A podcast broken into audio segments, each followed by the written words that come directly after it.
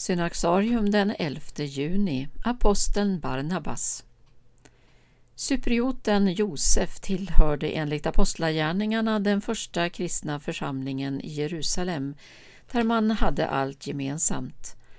Han var en av dem som hade förstått att bara de som avstår från allt och följer Jesus kan gestalta den koinonia, kärlekens gemenskap, som är tecknet på Guds rikes ankomst i världen.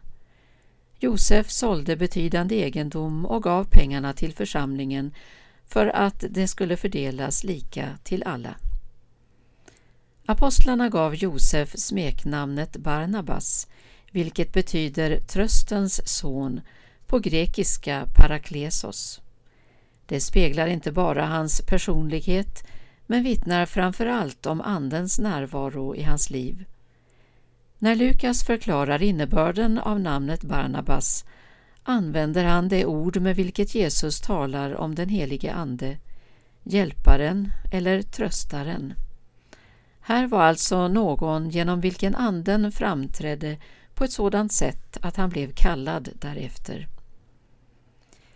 När vi följer Barnabas genom apostlagärningarna lär vi känna en person med en herdes sinnelag och blick för människorna.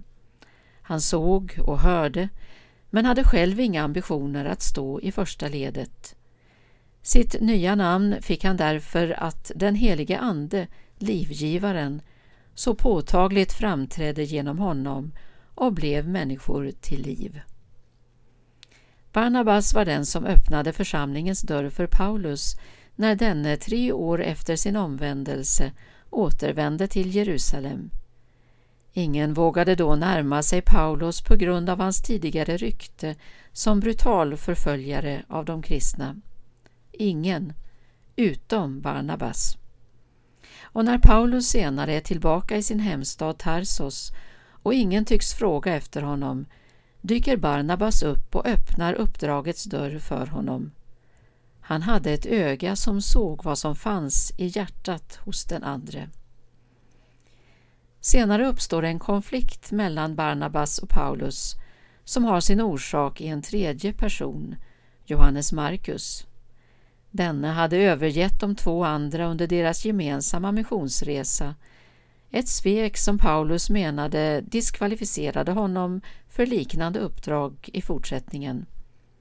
Men Barnabas ville ge Markus en ny möjlighet och blev den som upprättade den blivande evangelisten och församlingsgrundaren i Egypten.